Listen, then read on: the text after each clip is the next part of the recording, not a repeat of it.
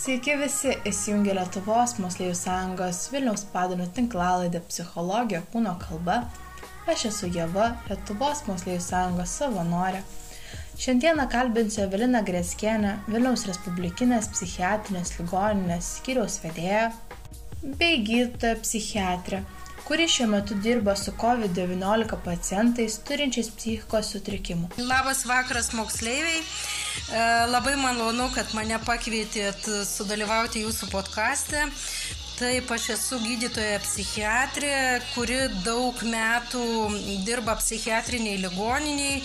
Daug metų dirbau klientais tik vyrais, bet dabar beveik metus dirbu su covidiniais pacientais, kurie serga COVID lyga ir greta turi psichikos sutrikimus. Su tokiais pacientais dirbu. Tam, kad visos tinklalaidės metu būtų aišku, iš karto norėčiau paklausti, kuo susijusi kūno kalba ir psichologija. Psichologija yra labai plati savoka ir taip jau yra, kad mes su žmonėm komunikuojam, na, ne tik žodžiais, bet ir kūno kalba.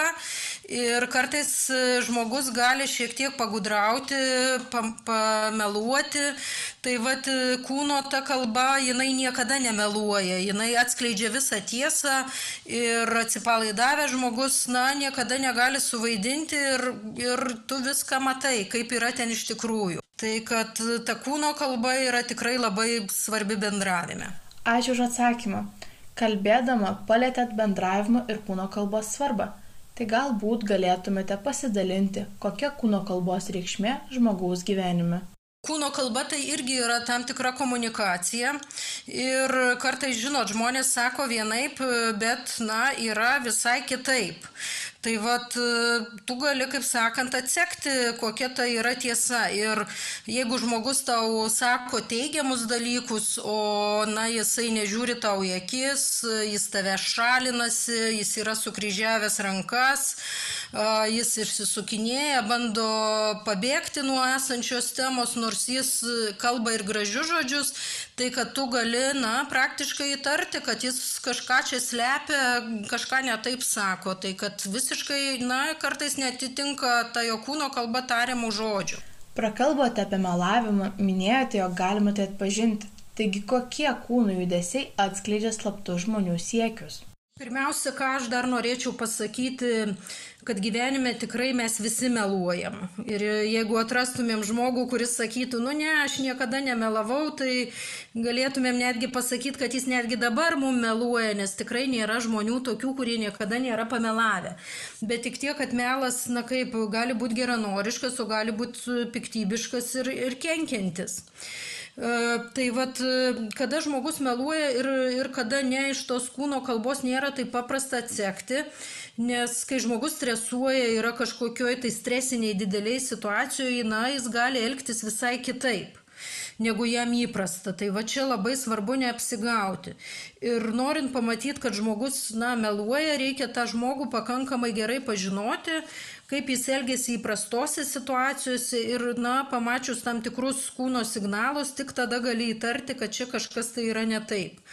Bet, nu, ką pastebim, kad įprastai bendraujant, kai tas kontaktas geras tarp žmonių ir šiltas, uh, jie ir laiko atstumą greta vienas kito, žmogus, kuris meluoja, jis vengia žiūrėti į akis, žmogus, kuris, na, meluoja, jisai atsitraukia, jisai sukryžiuoja rankas, galbūt sukryžiuoja kojas, na, toks šalinasi nuo tavęs. Ir vis bandot bendravimo tą temą nukreipti kitą linkmę, pakeisti tą temą. Tai vad, tą pamačius tokius signalus, tai e, tu turi, na, kaip jau atkreipti dėmesį, kad kažkas čia yra ne taip. Arba pokalbis labai nejaukus yra ir jam labai nesmagu kalbėti apie tai, ar jis kažką meluoja, išsisukinėja ir bando kažką nuslėpti. Dėkojame už atsakymą. Toliau kalbant apie melavimą, kodėl būtent žvilgsnio vengimas, rankų kryžiavimas atskleidžia melą? Todėl, kad meluoti yra labai nepatogu, Ir, ir meluoti yra labai nefaina ir mes visada stengiamės pabėgti nuo tos situacijos kažkur. Tai vad žmogus savo kūno signalais visais, visu savimi bando nuo tavęs, kaip sakant, pabėgti, atsiriboti nuo tavęs. Tai tą jis ir daro visais įmanomais būdais. Tos, tas naudoja visas gynybas.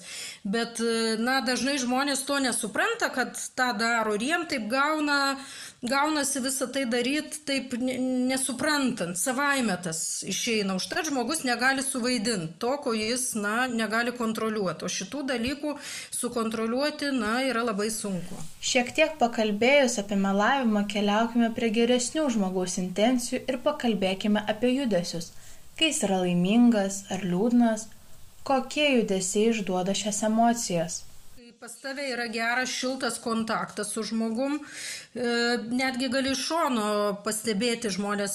Man labai patinka nueiti į kavinę, atsisėsti iš šono ir tiesiog stebėti žmonės ir, ir labai matosi, koks tarp jų santykis, tarp tų žmonių, ar jie sutarė, ar, ar jie mažiau yra artimi. Tai va tas labai matosi, kai žmonės bendrauja šiltai, jie turi gerą ryšį, jie netgi kartu atsisėda vienas šalia kito, jie palinksta šalia vienas kito. Netgi gali pastebėti pėdas, kad sėdintos pėdos vienas į kitą nukreiptos. Kai žmonės patinka vienas kitam, na, tu pastebi, kad jų net judesiai yra panašus.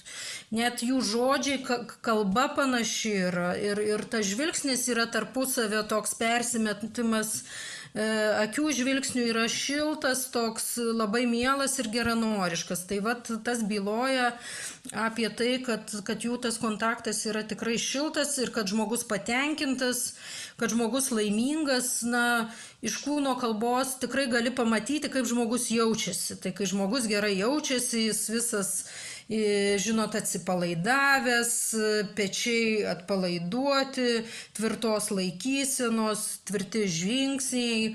Na, vat, tas ir atspindi visą, kaip žmogus jaučiasi. O kai žmogus, na, liūdnas yra, tai jis kažkiek yra susigūžęs, įsitempęs, atitolęs toks, stengiasi vengti tų žmonių, atsiriboti truputį. Bet kartais būna taip, žinot, kad žmogus yra liūdnas, bet jis sako, kad jis labai gerai jaučiasi. Tai vad čia nebereikalo yra sakoma, kad akis išduoda, kad akis yra sielos veidrodis, kad žmogus gali sakyti, kad jam yra gerai, bet tu tiesiog iš akių matai, kad, kad nėra viskas gerai, kad kažkas yra ne taip. Minėjote pėdų nukreipimą į kažkuria pusę, žvilgsnį, kokie dar judesiai padeda suprasti, kokia žmogaus kūno kalba, kaip jis jaučiasi. Na, ta kūno kalba mes irgi kiekvienas asmenišką turim. Ne, kiek, kiekvienas vienas vienaip juda, kitas kitaip, vienas įprastai, kitas e, dar kitaip. Tai tu, na, tą gali iš daugiau, taip negali to šablono sudėlioti visiems, čia reikia labai gerai pažinoti tą žmogų. Nes vienas, žinot, kai kažkas negero, jis čiupinėja rankom veidą, o jisai pridengia kalbėdamas rankomis burną, tai reiškia kažką tai jis na, nenori apie kažką tai kalbėti. Na, vat, vat tokie daug maž dalykai yra. Ar bendraudamas, žinot, žmogus nori slėptis nuo kažko ir gintis, tai net šnekant su žmogumi ir jeigu ant stalo padėta įvairūs daiktai, jis būtinai į rankas kažką pasims, ar kažkokį tai popierių, ar kažkokią knygą, kad šiek tiek tą atstumą tarp to pašnekovo ir tas, kuris atsakinėja, kad kažkiek tai išlaikytos tokios saugios aplinkos jam. Dėkojom už atsakymą. Dažnai pagalvojame, jog žmogus kalbėdamas gali manipuliuoti, meluoti ir tai nuslėpti. Bet ar tai įmanoma, kai kalbame apie kūno kalbą? E, na, tos e, kūno kalbą tą visą sumanipuliuoti yra pakankamai sunku ir norinti tą daryti, tai jūs turit, na, būti labai gudrus, nu, praktiškai šios ryties virtuozas. Bet kai su žmogum bendrauji, na, ilgesnį laiką, tai jis tikrai negali tą ilgesnį laiką viso to manipuliuoti, vaidinti ir tą daryti. Jis vis tiek kažkuriuo momentu atsipalaiduos ir tikrai jam gausis taip, kaip gausis. Tikrai nesuvaidintai. Pakalbėjome apie specifinius šabloninius judesius Tačiau kas jūsų nuomonė yra gera kūno kalba? Kokie judesiai, laikysena? Tokios geros ar negeros kūno kalbos nėra. Mes kiekvienas esam labai unikalus ir manau aš, e, kad visi žmonės yra geri ir, ir, ir, ir man labai yra gražu, kad kiekvienas žmogus yra individualus ir skirtingas. Ir jis turi ne tokią kaip visų kūno kalbą, jis turi grinai savo kalbą. Tai va tuo žmogus ir yra labai gražus, kad jis yra skirtingas ir vienodų žmonių nėra. Tikriausiai galime teikti, kad atsakymas į dažną klausimą, kas yra gera kūno kalba, būtų tai, kas padeda mums jaustis patogiai. Tuomet kyla klausimas, kada gera kūno kalba yra svarbi? Taip, mano darbė tai ypač ta kūno kalba svarbi. E, aš daug metų dirbu gydytoje psichiatrė ir su įvairiais pacientais ir, na ką, galiu netgi pasakyti, kad, nu, praktiškai mums visi pacientai meluoja nėra tos tiesos ir jie dažnai sako ne taip, kaip yra ir vat, būtent ta kūno kalba juos ir, ir, ir išduoda. Tai vat visą tu, e, tu tai matai ir e, pas mus dažnai būna sujaudintų pacientų, pykstančių pacientų, agresyvių pacientų, tai e, galiu pasakyti, kad man mažiausiai baisus yra piktas žmogus, rėkiantis žmogus. Nes jeigu aš matau, kad žmogus pyksta ir rėkia, aš žinau, kaip tvarkytis toj situacijoje. Šiaip pavojingiausi žmonės yra tie, kurie tyli, nieko nesako ir neaišku visiškai, na, ką jie savo galvoja. Nes netgi ir bankuose yra tam tikri mokymai darbuotojams, kaip pažinti e, įvairius tuos klientus. Tai juos irgi mokina, kad jūs nebijokite piktų žmonių, kad jeigu jie ateina rėkia, jūs tikrai žinot, kaip susitvarkyti su tokiu žmogum. Bet baisiausia yra, kai žmogus tyli, nieko nesako, o po to tik Bats ir parašo, žodžiu, prezidentui skundą, kad čia yra taip negerai ir anaip negerai. Tai kartais, žinot, kai žmonės pariekauja, čia yra visai gerai. Žmonės išsirėkė, nusiramina, susitaikom ir vėl, žodžiu, draugiškai draugaujam. Ačiū Evelina Gretskienė, kad sutikote su manimi pasikalbėti. Esate labai maloni pašnekovė, bei dėkoju už išsamius atsakymus ir suteiktą informaciją mums. O dabar į šitą situaciją pažiūrėsime iš komunikacijos pusės. Šiandieną mano pašnekovė bus Marija Stonkinė. Ji yra korporatyvinės komunikacijos tyrimų centro docentė bei teisininkė.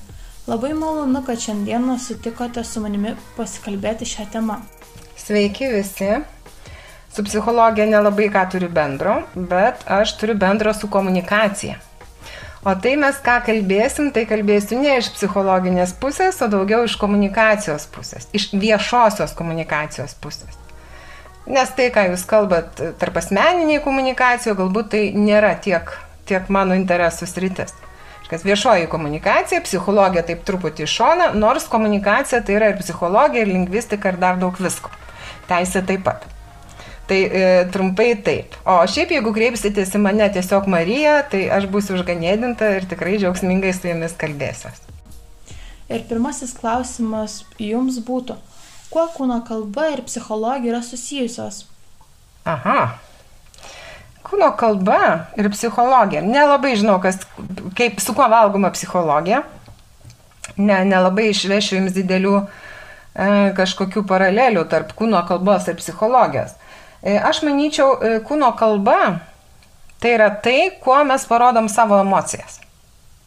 Kas mes emocijas galim rodyti e, visku kuo. Kalbėjimu, balso tonu, taip pat ir kūno kalba veido mimika, gestais, pozom ir taip toliau ir panašiai. Tai manyčiau, kad kūno kalba, tokia esminė ir ryškiausia sąsaja, tai būtų būtent, būtent per tai, jeigu mes tai kalbėtume komunikacijos kontekste, kiek ten yra psichologijos. Ačiū Marija Jums už atsakymą. Keliaukime prie kito klausimo. Kokia yra kūno kalbos reikšmė ir įtaka žmonių gyvenime? Baisiai didelė, sakyčiau šitaip a, iš tiesų e, reikšmė žmogaus gyvenime. E, vėlgi, jeigu žiūrėtume, iškas, mes kalbam kalbėdami ir kalbam nekalbėdami savo kūnu. Tai e, žmogus žodžius gali parinkti.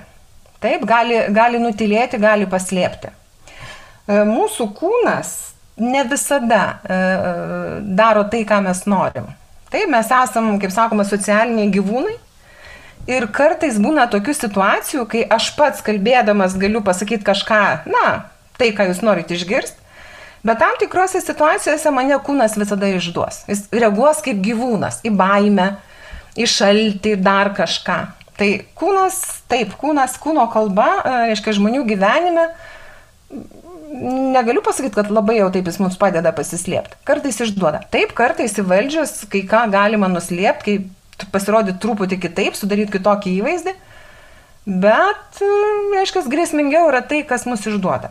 Ko mes, aišku, nenorėtume, kad kiti žinotų, pamatytų ir nustatytų. Dėkinga už jūsų atsakymą. Kaip manote, ko galėtume pasimokyti iš psichologijos teorijų ir kūno kalbos temų? E, nežinau, galbūt jeigu jau kalbėtume apie psichologiją, yra toks termikas Berne, e, transakcijos e, analizės tėvas reiškia, e, transakcijos analizė siejama su tuo, kad kaip ir kokiais vaidmenimis, tai reiškia, koks aš, koks ego e, dalyvauja pokalbėje.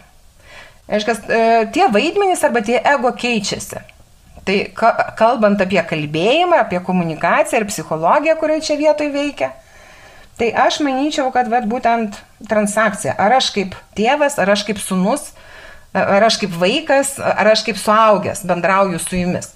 Dabar aš bendrauju turbūt labiau kaip tėvas, nes jūs manęs klausėt, aš jums kažkaip pasakau, mes galim, aš galiu dabar jūs pradėti klausinėti, o kodėl jūs domina psichologija, o kaž... tada jau, jau pasikeisim vaidmenimis, taip, ir aš savo vaidmenį pakeisiu.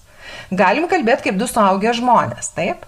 Aš manau, kad mes dabar labiau šitaip kalbam, kaip du suaugę žmonės ir bandom bendrom jėgom išsiaiškinti, kas čia gali būti įdomus, būtent viešajam kalbėjimui arba komunikacijai. Tikrai taip, norėčiau jūs dabar paklausti, kokiose situacijose tinkama kūno kalba yra labai svarbi? Turbūt svarbiausia, kūno kalba yra tais momentais ir tose situacijose, kur mes norim prisistatyti. Taip, situacija, kurioje yra svarbu, koks aš esu, tas mano viešasis aš. Taip, koks aš esu draugams, tai vėlgi aš irgi noriu pasirodyti geresnis, ar pasirodyti toks pats kaip jie, kad neiškristų iš konteksto. Tai, e, sakyčiau, e, yra pats svarbiausias, e, tas, ta kūno kalba, tas prisistatymas, ten, kur mes turim sudaryti tą gerą pirmąjį įspūdį. Tai patys svarbiausi momentai, kur visada žmogus ateina ir sako, kai man pasirodyti va tokiu ir tokiu. Na, pirmas atsakymas, tu būk toksai.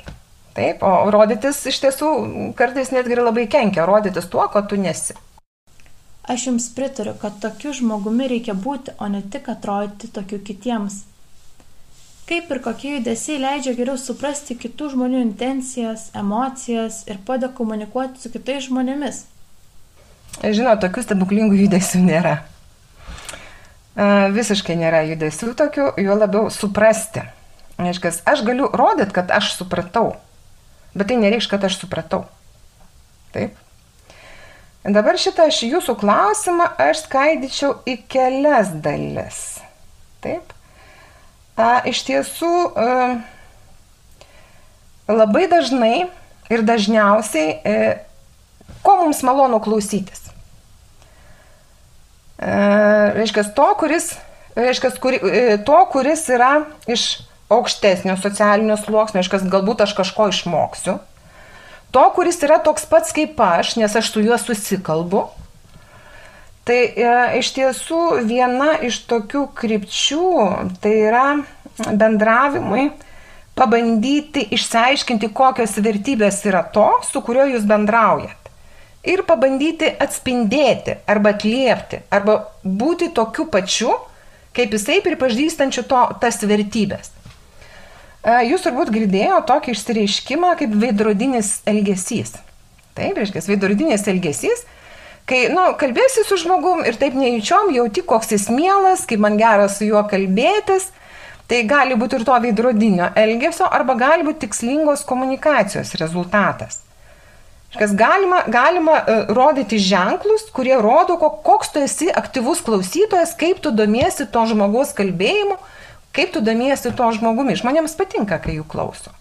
Vat dabar jūs puikiai manęs klauso, taip? Linkčiai atgalva, šypsotės, Taip, tai yra tie judesiai, kurie rodo, kad, nu, ir aš galvoju, wow, kokia šauni pašnekovė, supranta, ką sakau, klausosi, girdi. Taip, ir iš karto, iš karto kitas santykis tarp kalbančio ir klausančio. Taip, tai vad, na, vienas, vienas iš tokių galbūt, vėlgi nesakau, kaip, kaip, kaip suprasti, kaip tą padaryti. Ne, yra tik, tik nedideli ne instrumentai, kaip, kaip mes galim parodyti, galbūt netgi tai, ko nėra. Ką ir kokie judesiai parodo apie žmogaus savijautą? Apie žmogaus savijautą pasako daugas. Viskas. Veido išraiška. Veido poza. Gestai. Labai daug pasako išvaizda. Taip, kaip nekeista. Kas išvaizda mums pirmiausia signalizuoja žmogus sveikas ar serga. Kas tam tikrom lygom sergantys žmonės arba stipriom lygom sergantys žmonės, jiems išvaizda nueina į antrą planą. Nes jeigu žmogus, e, jam visiškai nesvarbu, kaip jis rengiasi, kaip jis atrodo, tai tiesiog jau reikia su tuo žmogu bendrauti ir išsiaiškinti, o kas jam yra, kodėl taip yra. Gal e, psichologiškai jam suku, gal tikrai e, kažkokios lygos užpuola. Vėlgi apie žmogaus savijautą Tai e, aš nežinau, kas jūs labiau domina, kalbant apie žmogaus savijautą. Ar kaip žmogus jūs vertina, ar kaip žmogus pas, pats jaučiasi, prislėgtas, nelaimingas, ar kaip žmogus jaučiasi būdamas su jumis. Ar jis gerai jaučiasi, atsipalaidavęs jaučiasi, ar jis jaučiasi įsitempęs. Tai jeigu jūs patikslintumėt, tai galbūt aš galėčiau ir tiksliau atsakyti jūsų klausimą. Papasakokite, kada žmogus jaučiasi viduje prislėgtas ir kada žmogui neįdomu būnant su mumis. Kadangi tai ypatingai svarbi tema šiomis dienomis. E, dabar, kada žmogus jaučiasi prislėgtas, tai galbūt jums e, labiau, labiau atskleistų e, šitą dalyką psichologai. Čia mažai ką galėčiau pasakyti. Vadinasi, galbūt būtų galima haptikos elementų. Haptika tai yra, reiškia, komunikacijos komunikaciją tyrinėjanti dalis, kuri tyrinėja pozas gestus. Taip? Tai iš haptikos tai būtų galima, na, diskomforto pozos. Taip, yra išskiriamas diskomforto pozos, kurios mums parodytų, kad žmogui yra blogai, kad jis jaučia diskomfortą. Šios pozos mums e, kartais neparodo priežasties, kodėl žmogus taip jaučiasi, bet mes galim pasakyti, kad jam yra blogai, jis jaučiasi blogai. Tai e, gynybiniai. Taip, bet gynybiniai judesiai jau daugiau, kai na, jaučia polimą. Raminimosi judesiai. Iškas diskomfortas raminimasis. Jeigu kalbėtume apie kūno kalbą. Taip, nes po diskomforto arba greta diskomforto pozas judesių ateina raminimosi judesiai. Taip, bet dabar jūs judesius kokius darot? Raminimosi. Taip. Nes nelabai ne jauku kalbinti, dar įrašinėti, viską susekti ir tokie nepastebimi judesiai pasiglostot, taip, su save, nuraminat. Tai, va, va, tai, yra, tai nerodo, kad jums jau labai labai blogai, tai rodo tiesiog, kad jums nekomfortabilu, jūs ne, ne savo komforto zonai. Taip, tai va, va, tokie judesiukai jie po truputį ir parodo. Aiškiai, jeigu aš kažką liečiu, glostau, taip kažką sukioju, žiedą, o auskarą galiu rausi čiupinėti, Tokie, va, na, aš save raminu, iškas gera, viskas gerai, viskas tvarkoj. Taip. Tai, bet vėlgi ne, nesakyčiau, kad tai rodo na, apie tą giluminę žmogaus savijautą. Labai dėkingu už Jūsų atsakymą. Visiškai Jums pritariu, kad reikia išeiti iš savo komforto zonos. Ar kaukių įvedimas turėjo pokyčių žmogaus kūno kalbai? Sakyčiau, turėjo, turėjo tam, kad mes nematom veido viso veido nematom. Taip? Jeigu žiūrėtume į veidą kaip priemonę kalbėjimui, tai mes kalbam antakiais, kakta, kalbam akimis, kalbam nosimi, ją raukom ir labai daug kalbam lūpomis. Aiškia, visa lūpų ir nosio zona mums dabar yra uždengta. Tai va čia dalis išjungta. Taip. Kitas dalykas, e, pozos, gestai, jie išlieka. Galbūt gestikuliavimo padaugėjo, nežinau, būtų įdomu atlikti tyrimą, pasižiūrėti, ar pasikeitė kūno kalba, bet galima manyti, kad galbūt atsirado gestikuliavimo daugiau. Bet čia yra tik prielaida, tikrai, tikrai negalėčiau teikti. Bet taip kaukės eliminavo labai svarbu, reiškia, va šitą uh, apatinę veido zoną iš mūsų kalbėjimo. Tikrai būtų įdomu, galbūt ateityje šis tyrimas bus atliktas. Kas yra emocinis intelektas ir kokia yra jo bendrystė su komunikacija? Fikcija yra emocinis intelektas, čia mano asmeninis požiūris. Iš tiesų, tai e, e, mokslas žiūri dviejopai į emocinį intelektą. Taip? Vėlgi, kalbant apie emocinį intelektą, kaip tai, kas yra pristatoma, ir komunikacija, aš sakyčiau, galbūt ne emocinis intelektas, bet empatija. Taip, siekis suprasti kitą žmogų, kito žmogaus emociją ir atitinkamai su juo bendrauti. E, čia aš matyčiau, na, va, tas kito supratimas.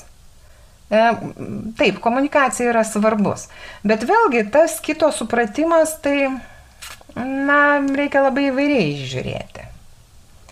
Taip, aiškas, aš galiu jūs suprasti, jūs užjausti, įsijausti jūsų būseną, Bet kiek tai, iš tiesų mes komunikacijoje kalbam apie efektyvę komunikaciją. Taip? Tai kiek tas įsijautimas, ta empatija yra e, reikšminga efektyviai komunikacijai, gal kai kuriems tikslams siekti taip, bet tikrai ne visiems. Tikrai ne visiems. Taip, aš turiu suprasti, ar jūs supratot, ko aš iš jūsų noriu, e, siekdama savo komunikacijos tikslų, bet aš tikrai neturiu persiimti jūsų emocijom ir sakyti, nu, aš pakoreguosiu savo tikslus. Ne. Aš savo tikslų nekoreguosiu. Tai vėlgi tas empatiškumas yra gerai, bet, bet kokiam kontekste ir ko siekiant. Ačiū Jums. Kaip manote, kokiuose srityse pasireiškia emocinis intelektas ir kodėl tai yra svarbu?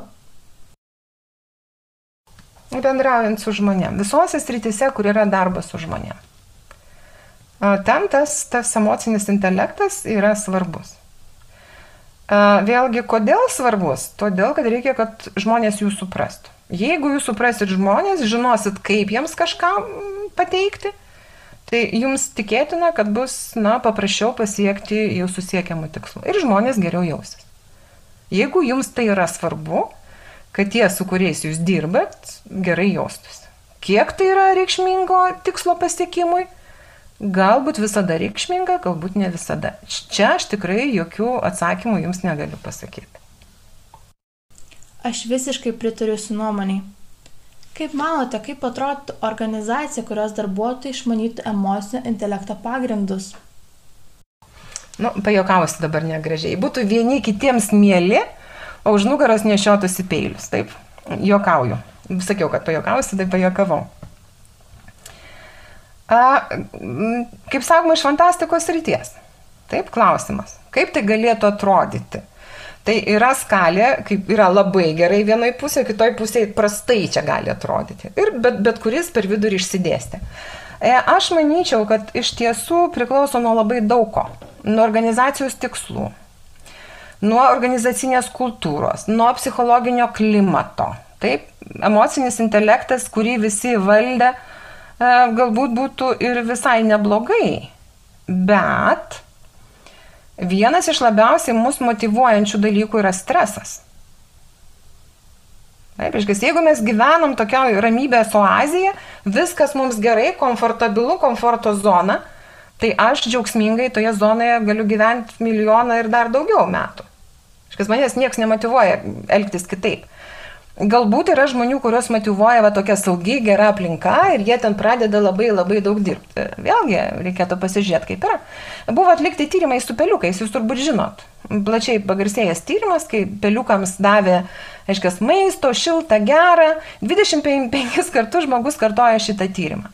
Iškas vis tiek peliukai ten iš pradžių labai daugindavosi, nes jie vis laik valgyti turi, šiltą gerą miegą, niekas streso nėra, nei katės, nei pelėdos nieko.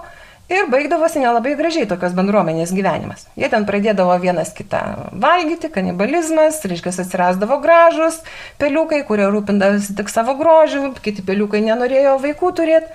Ir galų gale tie peliukai pradėdavo mirti. 25 kartus buvo kartojamas šitas tyrimas, rezultatai tokie patys. Taip, reiškia, stresas būtinas. Ačiū už Jūsų pavyzdį su peliukais ir galima matyti, kad reikia gyventi ne tik savo komforto zonoje. Kodėl jūsų nuomonė yra svarbus emocinis intelektas susirinkimų metu? Į ką turi atkreipti dėmesį vadovai? E, nežinau, ar emocinis intelektas yra svarbus susirinkimo metu. Aš žiūrėčiau kitaip. Dar žinau, jūsų tokie įdomus klausimai, bet aš pažiūrėčiau kitaip.